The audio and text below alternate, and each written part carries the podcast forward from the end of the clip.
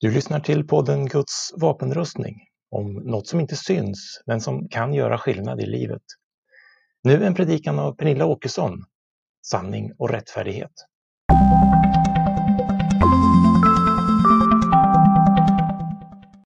Pernilla Åkesson heter jag och eh, tanken är nu att jag ska fortsätta en predikoserie som Edvard, våran föreståndare, startade förra veckan.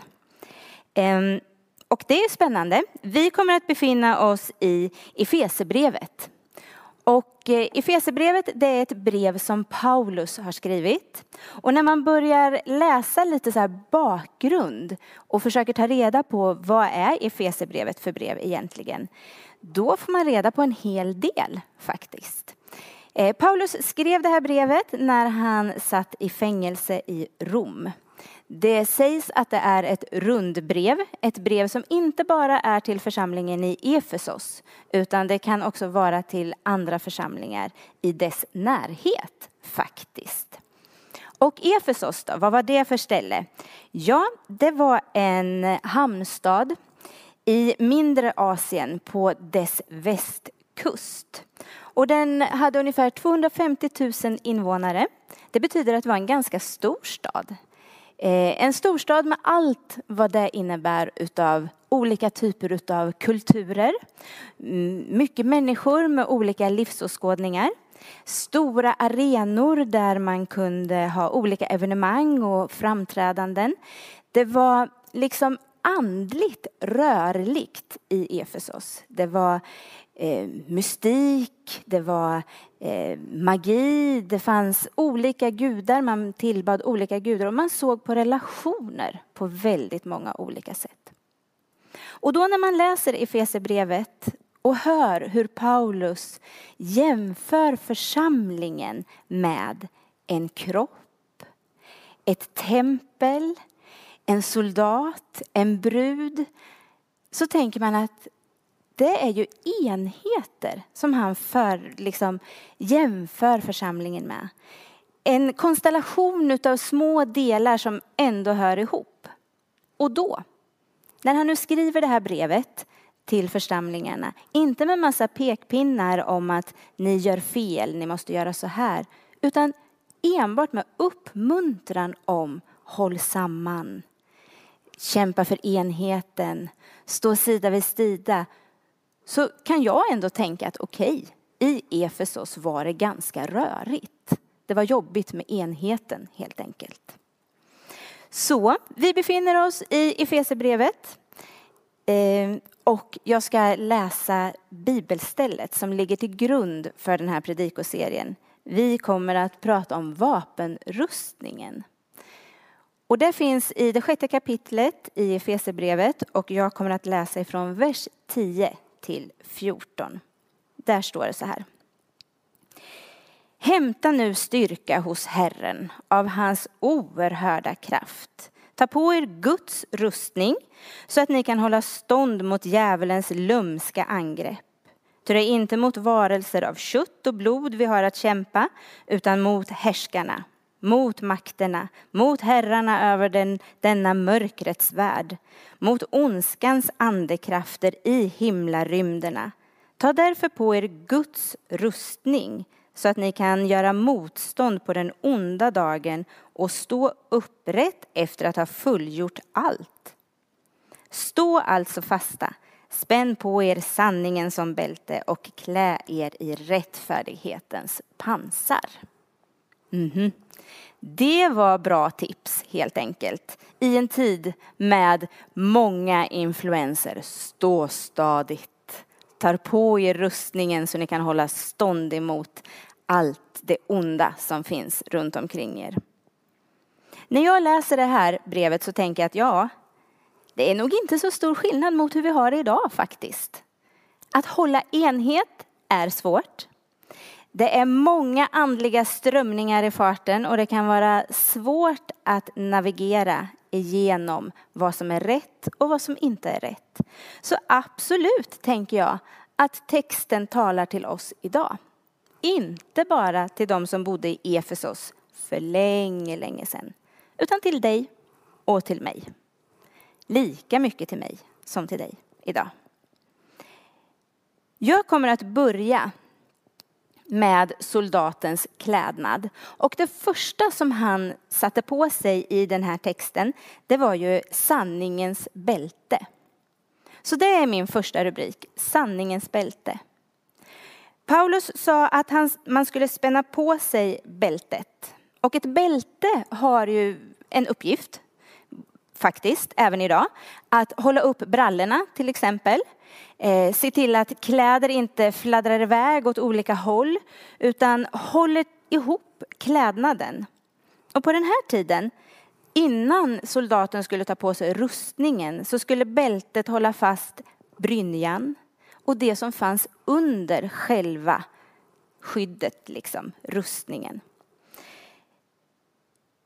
Och Paulus säger så här bara, ta på er bältet. Så säger han ju inte, alltså ta på er bältet, utan han säger ju sanningens bälte. Det betyder att det är ju inte vilket bälte som helst. Du kan inte gå ut i affären och köpa ett sanningsbälte, utan det är ett specifikt bälte. Han lägger till sanningen till bältet när han försöker att tala om för församlingarna vad de behöver för att kunna hålla in enhet. Alltså det här att hålla sig till sanning. Jag vet inte vad du har för relation till sanningen. Men eh, sanning är ju bra. Man ska hålla sig till sanningen. Men visst kan det vara lite lockande ibland att fara med små osanningar i alla fall. Så där att man kanske inte helt håller sig till sanningen jämt. Och jag behöver ju vara ärlig här nu eftersom att det här kommer att handla lite grann om ärlighet och ja, jag kan nog försköna verkligheten ibland. Eh, det kan börja med en liten, liten sak sådär att man kanske bara ljuger lite, lite grann om något. Och sen helt plötsligt så behöver man skyra över den här lilla, lilla lugnen med en liten lugn till kanske. Och sen så blir det en lugn till. Och till slut så växer det här. Och så blir det en enda härva utan massa osanningar och motsatsen till sanning är ju den här lögnen. Och lögnen gör ju någonting med sammanhang och det gör någonting med oss. Alltså det kan ju vara så där att man, man säger att man kan något som man egentligen inte kan. Eller att man är på ett sätt som man egentligen inte är. Till exempel, du sitter i en anställningsintervju och man börjar prata om konflikthantering. Och man tänker att ja, Jo, men jag klarar nog av det ganska bra. Jag är ganska bra på konflikthantering, absolut. Och innerst inne så vet man att det är det värsta jag vet. Jag blir jätterädd. Men du vet att då säger man kanske, jo men det går ganska bra för mig när det gäller det. Jo, men jag kan ta konflikter. Och det kan ju vara förödande i en anställningsintervju att man har gått ut med det och sagt att jo men jag fixar det och så fixar man inte alls det. Det blir jobbigt. Någonstans så får man liksom skyla över den där lugnen och tänka att hoppas ingen kommer på sanningen. Hoppas det inte liksom uppdagas att det inte var riktigt trovärdigt eller sant det jag sa. Man börjar dra sig undan kanske. Det börjar bli jobbigt att umgås med människor. Man vill inte att det ska synas. Kanske så blir man lite osocial. Kanske kommer man att upplevas som hal och oärlig och det är ju sant för det har man ju varit. Så att det är ju lite jobbigt. Det är inte charmigt att ljuga. Men jag tänker att det är inte speciellt ovanligt faktiskt. En liten lugn här och där. Eller kanske det att man låter bli att säga hur det på riktigt är. Hur man på riktigt mår. Hur man på riktigt trivs på jobbet. Nej, men man förskönar lite grann. Man, man gör det lite bättre än vad det egentligen är.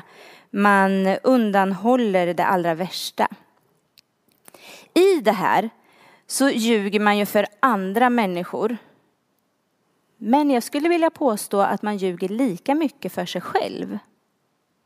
Alltså man, man försöker upprätthålla någonting som inte är sant. Och det gör något med mig. Vem är jag? Vad är sanningen? Eh, varför ska sanning vara så svårt och varför ska ärlighet nästan göra ont? Vad är det som gör att vi inte bara kan vara ärliga och säga bara, jag kan inte det här. Eller jag törs inte. Vad är det som gör att det är så svårt att plocka fram den här ärligheten och visa att man inte är perfekt?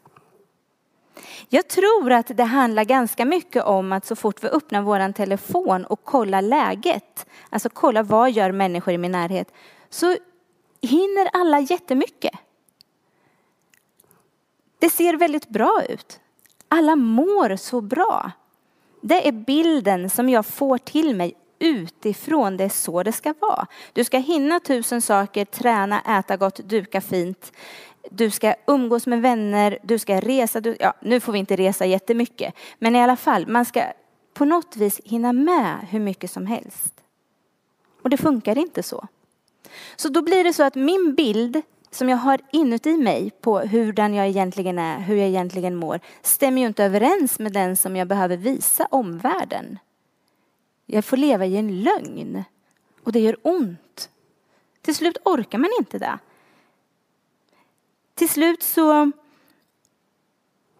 vet jag inte vad sanningen är. Nu låter det som det är jättestora saker, men jag menar inte att, att fara med osanning och ljuga och lögn, att det måste vara jättestora saker. Det kan vara små grejer som gör att jag inte liksom stämmer överens med verkligheten och får mig att må dåligt faktiskt. Så Frågan är, vilka krafter är det som gör att jag måste se på mig på det sättet? Att jag måste passa in, jag måste duga, jag måste klara allt, jag måste vara si, jag måste vara så. Var kommer de krafterna ifrån? Ja, inte kommer de ifrån Gud i alla fall. Det är jag helt övertygad om. Därför att Gud vill ha dig så som du är. Gud vill ha mig så som jag är. Med fel och brister. Med gåvor och talanger. Hela paketet liksom. Så om du lyssnar här. I psalm 139 och vers 14 så står det så här. Jag tackar dig, alltså Gud, för att jag är så underbart skapad. Underbara är dina verk, min själ vet det så väl. Så ska vi se på oss. Underbart skapade. Det är sanningen om dig och om mig. Inte det som omvärlden vill ska vara jag. Utan det som Gud säger om dig, att du är underbart skapad. Du är så som Gud vill ha dig. Oj, det är någon som tycker att jag har pratat klart, men jag är inte alls färdig. Eh, sen om vi fortsätter så kan vi läsa i Johannes evangeliet 8 och 32. Där står det så här. Ni ska lära känna sanningen och sanningen ska göra er fria. Alltså sanningen om våra fel och brister, gåvor och talanger, om vad vi är, det är det som ska sätta oss fria inte det som vi inte är. Och i Fesebrevet 4 och 25 då står det så här.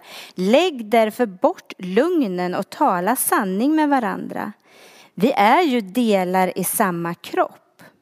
Det betyder ju att du ska sluta ljuga och försöka vara någon som du inte är utan våga tala om för dem som finns i din närhet hurdan du är, vad du kan och vad du inte kan, vad du behärskar och vad du inte behärskar. För vi tillhör en och samma kropp, många delar olika men hör ändå ihop. Så vi ska spänna på oss sanningen som bälte. Rustningen är en gåva från Gud till oss för att vi ska klara av att leva i den här världen. I vår tankevärld kan det vara kaos Därför att vi vet inte riktigt hur vi ska se på oss själva. Och i världen runt omkring oss kan det också vara kaos. För att det kommer liksom krafter från olika håll som vill pressa oss i olika riktningar. Som kanske inte stämmer överens om med vilka vi egentligen är. Men vi får ta emot den här gåvan ifrån Gud. Rustningen, gåvan, sanningens bälte. Vi får spänna den om oss och att göra det, det är en viljehandling. Vi får bestämma oss för att jag vill spänna på med sanningens bälte. Och bältet ska liksom, soldaten spände ju på sig därför att det skulle hålla ihop klädnaden. Så att klädnaden inte skulle fara omkring och vara i vägen för soldaten. Så att han inte skulle kunna röra sig fritt. Det betyder att när vi spänner på oss sanningens bälte så ska den hålla åt så att lugnen inte kan fladdra fritt och vara i vägen för oss, utan hålla ihop oss. i sanning. Är det enkelt? Nej, men det är inte enkelt. Ibland så behöver vi ju läsa Guds ord för att förstå vad är sanningen om Gud? Vem är Gud och vad är sanningen om mig? Vem är jag? Så därför så behöver vi mata oss med Guds ord för att kunna se på oss själva och på människor runt omkring oss och på Gud på rätt sätt. Inte dömande, utan han är kärleksfull. Det var den första klädnaden i den här rustningen. Den andra klädnaden det är rättfärdighetens pansar. Och eh, ett pansar det var ett skydd som man hade liksom fram på bröstet så här. Eh, det skulle skydda hjärtat, lungorna, det som var de livgivande organen i våran kropp. Så det satte man på sig här framme. Och ordet rättfärdighet. Mm. Hur använder man det då? Om pansaret är skyddet, men vad är rättfärdighetens pansare då? Rättfärdighet det används för någon som är fri ifrån synd. Då är man rättfärdig liksom. Men frågan är ju om man eh, kan klara av att vara fri från synd. Verkligen. Kan vi vara helt fria från synd? Nej, jag tror inte det. Men vi kan få be om förlåtelse och vi kan få förlåtelse och då kan vi få bli fria. Men vi kan inte bli fria från synd och vara rättfärdiga i helt själva. Utan vi behöver Gud till hjälp. Och ordet rättfärdighet, när man sätter det liksom, det är när någonting man är i förhållande till någon annan. Inte en egenskap just, utan i ett förhållande till någon annan så är jag rättfärdig. Till exempel en eh, försäljare eller en affärsman. Eh, när den är ärlig i sitt sätt att göra affärer, då är det en rättfärdig affärsman. En domare som ska döma. Eh, alltså, en domare är rättfärdig när man dömer alla människor lika inför lagen. Då är man rättfärdig. Då är man en rättfärdig domare. En vän är rättfärdig när den ställer upp. En förälder är rättfärdig när man uppfostrar sina barn med kärlek, med regler, med omvårdnad. Då är man en rättfärdig förälder. Så ordet rättfärdighet, det är liksom, blir lite olika saker i förhållande till olika medmänniskor. Men vad är rättfärdighet i förhållande till Gud då? Kan man ju fundera på. För det här var ju liksom Guds vapenrustning som vi skulle sätta på oss. Och vad är då rättfärdighetens pansar? Jo, men att vara rättfärdig inför Gud, det är när du är rättvänd till Gud. Alltså när du vill tro, när du vill leva i gemenskap med Gud, när du tackar, då är du rättfärdig inför Gud. Viljan att leva tillsammans med honom, du vänder dig mot Gud. Och det här pansaret, det har vi fått för att liksom kunna bevara vårt hjärta. Och jag vill tro att tron sitter i hjärtat. Så det är ju fantastiskt att Gud ger oss ett pansare som kan liksom vårda våran tro och ta emot pilar och annat som vill skada. Så det här pansaret det är också en gåva ifrån Gud. För att du ska kunna bevara ditt hjärta. Men frågan är ju då, när mår inte hjärtat bra? Till exempel, var sitter ofriden?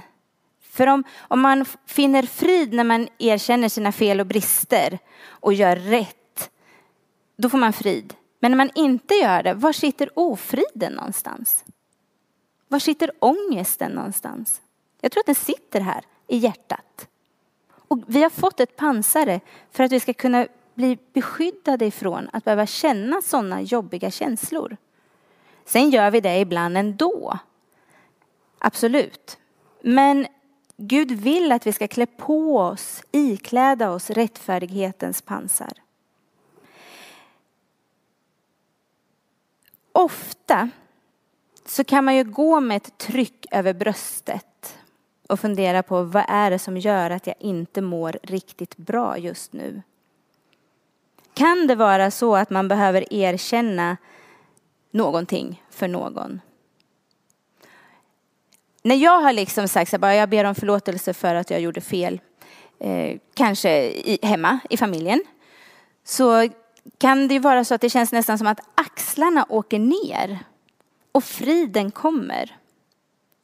Och då är ju frågan, hur kan man få den friden med Gud? För, för att den här rättfärdighetens pansar, det är någonting som Gud vill ge oss. Vi behöver Jesus. Vi behöver förstå att Jesus, han dog och han uppstod för dig och mig för att vi ska kunna få förlåtelse. För att vi ska kunna bli rätt vända till Gud. Så gjorde Jesus det för dig och mig. Om vi läser i Romarbrevet 3, 20-22 så står det så här. Ingen människa förklaras rättfärdig inför honom genom laggärningar. Vad som ges genom lagen är insikten om synd. Men nu har den uppenbarats en rättfärdighet från Gud utan lag. En som lagen och profeterna vittnar om. En rättfärdighet från Gud genom tro på Jesus Kristus. För alla som tror. Här finns det ingen skillnad på folk och folk. Okej. Och i Romarbrevet 10, 9 10 så står det så här. Ty om du med din mun bekänner att Jesus är Herre och i ditt hjärta tror att Gud har uppväckt honom från de döda ska du bli räddad. Hjärtats tro leder till rättfärdighet och munnens bekännelse till räddning. Så alltså när vi är rätt inför Gud, när vi bekänner våra synder, våra fel och det som vi inte klarar av och när vi bestämmer oss för att lita på någonting som vi inte kan se, alltså Guds omsorg och Guds välvilja för oss, då är vi rättfärdiga. Wow! Det krävs inte massa speciella handlingar liksom. Vi behöver inte utföra tusen svåra prov. Vi behöver bara tro. Och bekänna att vi gör fel och be om förlåtelse. Så är vi rättfärdiga, rättvända inför Gud. Så sanningens bälte och rättfärdighetens pansar, de två första klädnaderna som soldaten liksom ikläder sig. Det är bra grejer skulle jag vilja säga. Jag tänker att vi ska, ska liksom satsa på att få tag på sanningens bälte och rättfärdighetens pansar. Det står att vi ska ikläda oss rättfärdighetens pansar. Det känns ju som en varm omfamning bara. Ikläd dig rättfärdighetens pansar. Det är kärleksfullt. Det är gott. Det krävs inte så jättemycket av dig och mig egentligen, mer än att vi väljer att vi vill tro. Och du kan välja det idag om du inte redan har valt att tro. Det är en gudomlig gåva. Det kan inte presteras. Vi får ta emot Guds rustning och i det här fallet bältet och pansaret. Att spänna på sig sanningen varje dag. Eh, hur gör man det? Jag tror att det är genom att läsa Guds ord. Jag tror att det är att, att våga se på sig själv med sanningens ögon. Jag är inte perfekt. Jag kan inte allt. Men jag vågar vara ärlig med det. Då har vi spänt på oss sanningens bälte. Och rättfärdighetens pansar. Vi behöver be, vi behöver läsa Bibeln, vi behöver vända oss om och om och om igen mot Gud. Välja att våga lita på honom. Välja att ta på oss, ikläda oss rättfärdighetens pansar som ett skydd för vårt hjärta och våran tro. Guds rustning är en gåva till dig och till mig. Och jag började med att läsa, ta därför på er Guds rustning så att ni kan göra motstånd på den onda dagen och stå upprätt efter att ha fullgjort allt. Stå alltså fasta, spänn på er sanningen som bälte och klä er i rättfärdighetens pansar. Jag vill avsluta där, där jag började. Eh, jag vill ge det som en uppmuntran till dig att du är rätt. Du är underbart skapad. Du är perfekt i Guds ögon, även om du inte känner dig perfekt i dina ögon. Låt sanningen hålla bort lugnen så att lugnen inte är i vägen för dig. Utan att du ska få vandra tillsammans med Gud i sanning. Och rättfärdighet. Vi vänder oss tillsammans om och om igen mot Gud för att i tro ta emot hans skydd för vårt hjärta. Jag skulle vilja be med dig. Eh, bara för att jag tror att vi behöver öppna upp våra sinnen för att förstå att det här är inga krav att sluta ljuga och vara rättfärdig. Det här är förmåner att våga vara ärlig och få leva så som du är. Med trasighet, med gåvor och talanger. Jesus, jag ber att du ska öppna våra sinnen och våra hjärtan så att vi ska förstå att det här är en gåva ifrån dig. Inget krav på att vi ska prestera någonting, utan att det är en gåva ifrån dig att få ta emot den här klädnaden som ett beskydd för att vi ska kunna leva i en värld som är mörk och svår att tas med ibland. Ensamhet, eh, frustrationer, strömningar av olika slag, eh, påtryckningar i olika riktningar. Tack för att du vill liksom omhulda oss och hjälpa oss att vandra på din väg tillsammans med dig. I sanning och rättfärdighet. Amen.